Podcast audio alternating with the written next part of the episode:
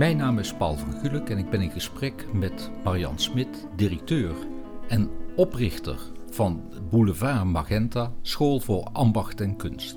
Hallo Marian. Hallo Paul. Hi. Ja, we zitten hier zo bij elkaar binnen de, laten we maar zeggen, leslokaal administratie van Boulevard. Buiten is het guur weer, het waait en binnen zitten we behagelijk warm en boven worden lessen gegeven. Een enerverend en inspirerend instituut, die Boulevard Magenta. Hoe ben je ertoe gekomen om dat op te richten? Ja, nou, dat is eigenlijk heel klein begonnen. En vooral met het idee, ik heb zoveel mogen leren van allerlei mensen die ambachtelijk werken. Dus vakmensen, dat ik er aan toe was om dat ook door te geven. En wat er ook bij kwam, op dat moment, zo'n twaalf jaar geleden, dat ik ging rondkijken naar plek om mijzelf weer verder te ontwikkelen, liep ik eigenlijk een beetje vast. En toen dacht ik, dan ga ik het zelf maken. En maken is iets wat ik heel graag doe, of het nou met verf of goud of opleidingen maken is. Paul, ik had nooit gedacht dat na tien jaar we een team zouden hebben van twaalf docenten en jaarlijks honderd mensen in de klasse. Ja, dat, is dus zo gegroeid. Ja, dat was totaal niet ja, vooraf. Nee, nee, nee, want zo 12, 14 jaar geleden um, moet je voorstellen dat mensen weinig verlangen hadden naar nou ja, de achtergrond, de technische ehm, achtergrond van kunst. Een verlangen hadden om juist vanuit het ambacht te leren werken en van daaruit zichzelf te ontwikkelen. Ik doe niets liever dan werken met die pure materialen zoals pigment en goud. Maar wie wil dat verder in een wereld waarin alles snel gaat en veel digitaal, maar ook bijvoorbeeld met andere snellere verfsoorten. Maar ik dacht, het maakt me niet uit. Ik ga het gewoon doen. Ik trek, ja, ik trek de stoute schoenen aan en uh, Heel goed. we gaan zien. Ja, ja um, wat voor opleiding heb je zelf gedaan? Ik ben zelf opleidingsmaker, maar dan voor in het bedrijfsleven. Het zit dat gewoon in een hele anders, andere omgeving. Hè? Maar uh, waar je dan continu mee bezig bent, is uh, het bedenken en uitvoeren van opleidingen en trainingen. Waarbij je eigenlijk altijd de vraag stelt: wat is de wens van de ander? Waar wil iemand naartoe? En hoe kan ik hem daar zo goed mogelijk bij helpen? Maar ja. pas rond half veertig ja, kwamen die lijnen bij elkaar. En heb jij zelf het leraren gehad? Een, een leraar uh, in, de, in de betekenis van een meester ja, ja, die jou uh, heeft leren schilderen? Ja, ja, ja. Wie waren dat? Nou, in het allerprilste begin. En dat, dat moet ik echt benoemen, want dat is een hele belangrijke. Was dat een hele oude oom? Hij was 27, maar als je zeven bent, dan ja. is dat een oude meneer. Uh, en uh, hij en mijn tante, ze waren echt hip hoor in de jaren zeventig. Maar het grappige wat hij combineerde, hij was bedrijfseconoom bij uh, Philips in Eindhoven. En, jij, jij komt uit Os, hè? Ik kom uit Os. Ja, okay. En ik werd samen met mijn broertje van twee, drie, iedere week op zondag daar ontvangen. En hij had een hele grappige liefhebberij naast ja, toch wel uh, exacte werk. Hij schilderde. En wat deed hij? Hij schilderde bloemstillevens na van ansichtkaarten uit de 17e eeuw. Oké. Okay. En daar zat ik als klein meisje naast. En ik kreeg een doekje en penselen. En als ik daar achteraf uh, naar terugkijk, dan, ja, dan denk ik soms ook wel van... ja, of was het misschien toch die schaal met marsjes en reders? Twixen heette ja. toen reders. Want de zus van mijn oom, die werkte bij de Marsfabrieken in uh, Uden. Oké. Okay. En ja, dat stond daar op tafel. Dus ja, dat was toch wel een mix van ja. heel leuk. En als kind let dus je daar op. het waren niet alleen maar bloemen die je schilderde, maar ook marsen en twixen. Bijna wel. In ieder geval was het een goede motivatie. Ja. En zo gaandeweg, uh, ja, als je dan zeven bent en je mag al met olieverf, dat, dat klinkt nu, uh, het mocht, maar het was eigenlijk vanzelfsprekend. Hij nam mij gewoon mee in het schilderen. En dat waren mijn eerste stappen. En dan kwam het, één keer in de zoveel tijd, ja, dan was het schilderijtje af. En dan moest er natuurlijk wel weer een nieuw doek worden gekocht of nieuwe penselen. En dat was natuurlijk helemaal feest. Met z'n allen naar Den Bosch, waar een hele mooie ouderwetse schilderszaak zat. Echt zo'n Harry Potter winkel met allemaal kastjes en nisjes en heel veel ja, nou ja, goed, je kent het, waar, waar het tot een nok toe gevuld is met uh, materialen, waar het ook naar terpentijn rook en zo. Ja, dat hoorde daar allemaal bij. Dus dat schilderen en tekenen, dat uh, uh, heb ik eigenlijk met, ja, door hem heel jong geleerd. En daarna heb ik allerlei leermeesters gehad, waarbij ik altijd, ja, en het, soms loopt het leven ook Hè, hangt het van toeval aan elkaar. Bijna altijd. Ja, denk ik. dat kun je. We hebben hè? maar heel weinig invloed. Uh, dat is maar echt dat is zo, hè? van mij. Hoor. Nee, ik ben het met je eens. Want als mensen nu hier komen hè, op een open dag en ze zien die uh, prachtige lesruimtes, mooi aangekleed en een mooie glazen wand en het functioneert en het heeft sfeer en ook als je de site bekijkt, je zou een beetje onder de indruk kunnen zijn van nou, nou, nou, dat is allemaal bedacht vooraf. Maar zo lopen de dingen vaak niet. Nee. Maar jij bent toen dus de bedrijfskundige kant ingegaan? Ja. En niet de kunstacademie? Of, nee, uh, ik werd niet aangenomen, Paul. Oké. Want dat was in een tijd dat je nog met je moeder of met je vader naar gesprekken uh, ging. Ja. En ik weeg nu al niet zo heel veel, maar toen al helemaal niet. En zag er heel jong uit. En mijn moeder kreeg gewoon, ik zat erbij, ik werd helemaal niet in dat gesprek betrokken. Ik zat erbij en er werd gewoon gezegd: Mevrouw, als ik u was, ik zou uw dochter hier niet aanmelden. Want het is hier veel te ruig. En ik zou, hè, zo, dat was echt een advies. Dus uh, ik heb een hele andere richting gekozen. En dat was uh, leraaropleiding. Ja. ja. ja. En daarna een uh, opleiding. Dat, wat, was dat toen de leergangen? Of, nee, de SOL in Utrecht. Oké. Okay. Daar koos je twee vakken. Ja. En in mijn geval omgangskunde. Ja, ik vind mensen echt heel erg boeiend, heel interessant. En Nederlands. Oké.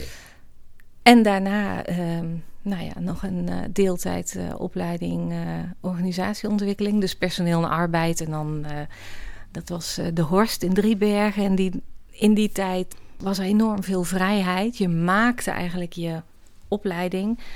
Dus opleidingen maken, dat was ook een specialisatie daar, gekoppeld aan organisatieontwikkeling. Dat was dan mijn vak. En daar heb ik ook heel plezierig in gewerkt. Heel en daarnaast schilderde je? Ja, met tijden ook niet hoor. Want een leven is soms zo vol. Dan moet je dingen ook. Ik heb bijvoorbeeld altijd heel veel aan dans gedaan. En dan denk je later, hoe kan dat nou? Ik heb vijf jaar niet gedanst. En dan bedoel ik ballet, flamenco. Dus het, de artistieke dingen leiden soms wel onder de drukte of onder andere keuzes of dingen die dan vooraan staan. En dat is natuurlijk ook wel wat we in de klasse veel terug horen. De mensen aan wie wij lesgeven toch een beetje 40 plus. Ja. Dan komt er zo'n moment, horen we vaak in de motivatie van ja, ik heb het altijd opzij geschoven, maar eigenlijk is dit wat ik heel graag zou willen leren of ruimte voor wil maken in mijn leven. Nou, dat heeft bij mij net zo gewerkt. Ik moest er echt ruimte, ik moest het echt een beetje blijven bevechten. Ja. Leuk dat je dat zo hebt gedaan. En toen was jij, je zei, ergens in de veertig. En toen kreeg jij het idee, ik wil gaan delen wat mijn passie is. Ja, wonderlijk hè? Dan nou. komt er zo'n moment dat je een... Ik maakte echt een soort draai van heel veel hebben mogen ontvangen. Echt bij mensen aan keukentafels, oude ja, iconenschilders die het vak heel goed beheersten. Maar ook kunstschilders meelopen met portretschilders. Ik heb zoveel kansen gehad en gekregen dat ik in de veertig zijn, hè, dat je een andere beweging uh, maakt. Maar dat is niet vanuit ratio, maar puur vanuit gevoel. Bij mij werd op een gegeven moment helder van, oh, dit zijn de ingrediënten waar, die ik echt in mijn leven wil hebben. En het is doen, de stap zetten, doen. Ja. Ja, die, die andere beweging maken, van dat te willen delen met anderen. En niet wringen, dus ook niet vanuit een plan maar gevoelsmatig vasthouden. Nou ja, wat ik net vertel over dat ambachtelijke en werken met mooie gereedschappen en de grondstoffen. Ja, ik herkende in mijn hele omgeving niet. Ik had niet een soort klankbord of een soort school of opleiding waar ik daarvoor naartoe kon. Het was een beetje als achteraf een soort eenling. En dan zie je van, oh wauw, maak maar geluid. En dan wordt dat wel opgevangen ook. Ook door andere mensen. Ja, dat is nou, heel... Uh, ik ben zelf afgestudeerd in de middeleeuwen. Bij ja. Albrecht. Mhm. Ik was ook geïnteresseerd in die schilderkunst in die, uh, in die tijd. Ik kon eigenlijk nergens een opleiding vinden waarin je dat ambacht eigenlijk leerde. En zo ben ik bij Laag Soer terechtgekomen met die miniaturen. Dus, ja. En gaandeweg denk ik van, nou, uh, wat, wat een leuk materiaal, wat, wat leuk om daarmee bezig te zijn. En ik ben op een leeftijd dat ik het niet meer als mijn vak hoef te, te doen. Dus ik doe het puur als hobby. Mhm. Ik vind het uh, zeer boeiend om dan met de renaissance bezig te zijn. Om met die technieken bezig te zijn. En ik kan eigenlijk nergens terecht. Omdat de vrienden die ik heb die de kunstacademie hebben gedaan. Die zaten allemaal in het vrije werk, zal ik maar zeggen. Ja. En mm -hmm. ambacht was in de tijd dat ik jong was, 18... Ja. was een klein beetje, ja, not done. Je Hmm. was bezig met kunst. Ja. En met uh, expressie, niet met imitatie. Nee. En niet met ambacht. Nee, niet met de vaardigheden nee. en de kennis. Hè? En dat vind ik het leuke, dat dat hier ja. is.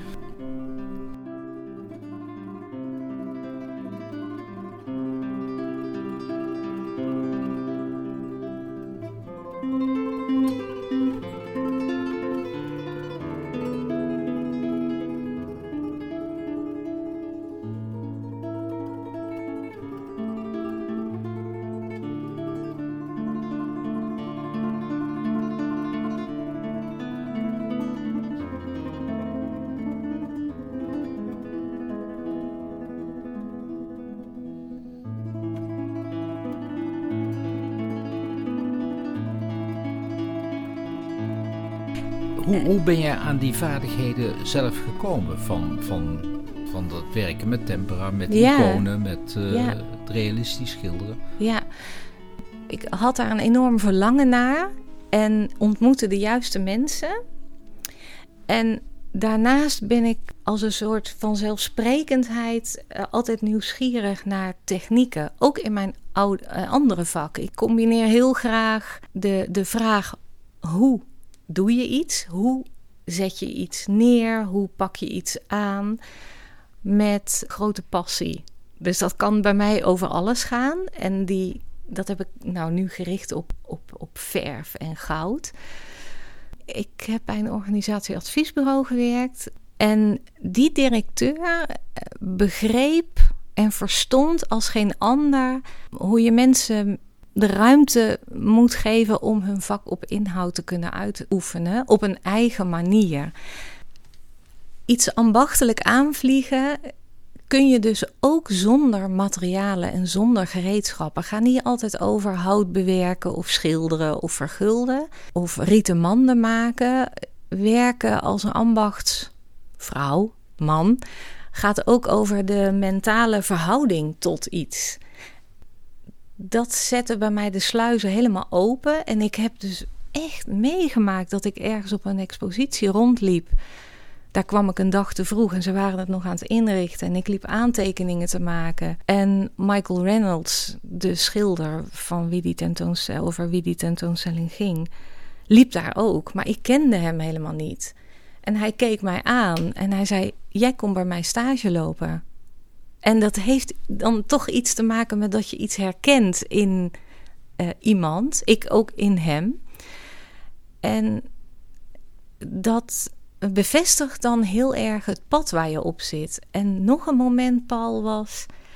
Nou, dat is echt lang geleden. Eind jaren 90, begin jaren 2000. Had Evert Thiele, de beeldend kunstenaar. Ja, uit Venlo. Uit Venlo. Een overzichtstentoonstelling in het Cobra Museum. In die tijd was het realisme en vakmatig werken uh, niet hip of zo. Dus ik liep daar bijna door een leeg museum. Ja, dat was in de tijd ook dat Helmantel en Joffra en zo. Uh, die waren ook allemaal met die, dat, ja, en Wil, in de luwte. Willink eigenlijk ook, hè, met, met zijn magisch realisme. Ja, dat, ja, dat, realistische werk, dus het, het ambachtelijke werk. Ja, dat had een apart hoekje, zeg maar, eigenlijk in de kunst in het land van. En, en, en, ik liep daar op een fantastische expositie of tentoonstelling. Want type werk wat hij maakt is opgebouwd op zelfgemaakte panelen met tempera en olieverf. Hè? Dus tempera met pigmenten en eimedium. Meters hoge werken geïnspireerd op het uh, altaarstuk in Gent. Met luiken die open en dicht konden.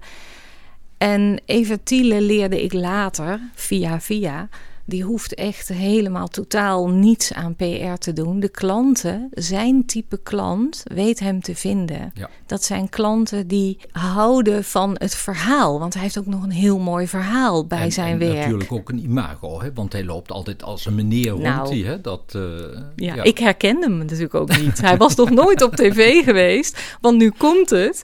Ik loop daar door die, ja, best wel in mijn uppie, door die zalen. En inderdaad, er liep een man op mij af. Ja, ik dacht, uh, notaris, nog, ja, ja, een pak, een ruitjespak, stropdas. En uh, we raken in gesprek en dat was Evert Thiele. En dan moeten we echt denken aan, ja, even kijken, ik was uh, half dertig of zo. En ik, nou, het was echt een meneer. Maar goed, dit was dus de maker van dat prachtige werk. En uh, we raken in gesprek. En als je dan aan mij vraagt wie waren jouw leermeesters, dan zijn het eigenlijk leermeesters aan de ene kant die mij met verf en grondstoffen en gereedschappen hebben leren werken, maar aan de andere kant leermeesters die, ja, dat zijn grote inspiratiebronnen en nog. En dat heeft alles te maken met hoe verhoud ik mij tot mijn werk, hoe verhoud ik mij tot het materiaal, hoe verhoud ik mij tot een werkproces, tot mensen, zelfs hoe verhoud ik mij tot mijn eigen leven. Want wat zei hij nou? Ik, die in mijn eentje in het bos. Ik werkte toen heel veel alleen aan heel verfijnd olieverf, realistisch werk. Durfde dat echt aan niemand te laten zien, want het was in die tijd nat dan krijg van hem te horen. Ik, ik moet het samenvatten, was een heel mooi gesprek. Hij nam echt de tijd. En het is niet iemand die graag zelf zichzelf naar voren dringt of zo. Vol is van zichzelf, helemaal niet. Maar we raakten gewoon aan, in gesprek over... als iets je pakt, wat doe je er dan mee? En hij vertelde hoe hij gekomen was, waar hij nu hè, op dat moment zat. En ik heb daar gewoon een paar gouden regels meegekregen. Hij vertelde, natuurlijk, ja, ik ging naar de kunstacademie, maar mijn leerproces ging over klein werk. Als je iets wil leren, hij zei, wat bij mij paste, was dingen ontwikkelen op kleine formaten. Nou, ik keek hem echt aan van echt waar. Hè? Want ik maakte werk van 4 bij 5 centimeter, 13 bij 18. Maar 30 bij 40 was al heel groot. Dus dat was heerlijk om te horen. En het tweede wat hij zei was: ja, en daarbij, ik heb altijd vastgehouden aan mijn fascinatie voor het ambacht. Nou, ik sloeg stijl achterover. Ik die heel veel heb mogen leren van ambachtsmensen, heel veel uit boeken heeft gehaald, voelde me opeens niet meer alleen. En ik, heb, ik leerde daaraan, je hoeft op een onderwerp in je leven maar één iemand te hebben die zegt: Kijk eens, zo heb ik het gedaan, waarin je herkent. Hij adviseerde ook van blijf op je pad. Vooral als iedereen zegt dat het niet meer, er niet meer toe doet, de schilderkunst of olieverf of tempera. Als mensen je van je pad af willen duwen, goed bedoeld, hou vast. Loop op je eigen pad. Dat andere is ook maar een mening, hè? Ja. Dat moet je weten. Ja, maar ja, je bent... Uh, dat, weet, dat weet ik nu, hè? Maar twintig jaar geleden... dan is dat toch wel echt bijzonder, Paul. Als je zo'n grootheid uh, spreekt... die eigenlijk jouw taal... Je begrijpt elkaar. Ik, uh, ja. ja. maar ik, ik herken dit ook. Ik uh, schrijf zelf. Ik heb compositie gestudeerd. Ja. Ik schrijf zelf altijd in tonaliteit. Dus niet atonale muziek, die schrijf ik niet. Mhm. En dat werd destijds niet gewaardeerd. Dat werd gezegd van ja, dit, eh, je, je, hoort hier niet uh, thuis in de opleiding. En, en Paul, even voor mijn tonaliteit en atonaliteit. Ja. Uh, kun je daar iets over zeggen? Want... Laten we maar zeggen, tonaliteit, dat is te vergelijken met realistisch schilderen. Mm En atonaal is met abstract. Aha. En, Experimenteel ook? Ja, ja. avant-garde was Ja. destijds uh, niet tonaal. Nee. Dus de, niet met bepaalde toonsoorten. En, met, En eh, niet meteen te begrijpen ook daardoor. Niet herkenbaar. Nee. daar moest Mhm. je. De, het was muziek die vooral interessant gevonden werd, Ja. maar niet mooi. Mhm. En toen ben ik, eh, ik ben gewoon eh, zelf door blijven gaan. En ik kwam toen in Oekraïne, Rusland, Mhm. kwam ik eh, mensen tegen die dat zeer waardeerden en waar ik veel van heb geleerd. Ja. Dus het is vergelijkbaar. Het is, het is heel erg leuk om dat te herkennen. Ja. Ik ben ook razend benieuwd naar hoe dat eh, Boulevard Magenta nu eigenlijk is begonnen. En dat lijkt me iets voor een volgende podcast. Zoals je wel merkt, ik ben vrij associatief. Ja. En eh, nu is het hartstikke mooi. En de volgende keer haken we wel weer terug en gaan we weer een stapje naar voren. Het is ook een soort dans Ja. met twee. Dus eh, heel graag een volgende keer. Oké.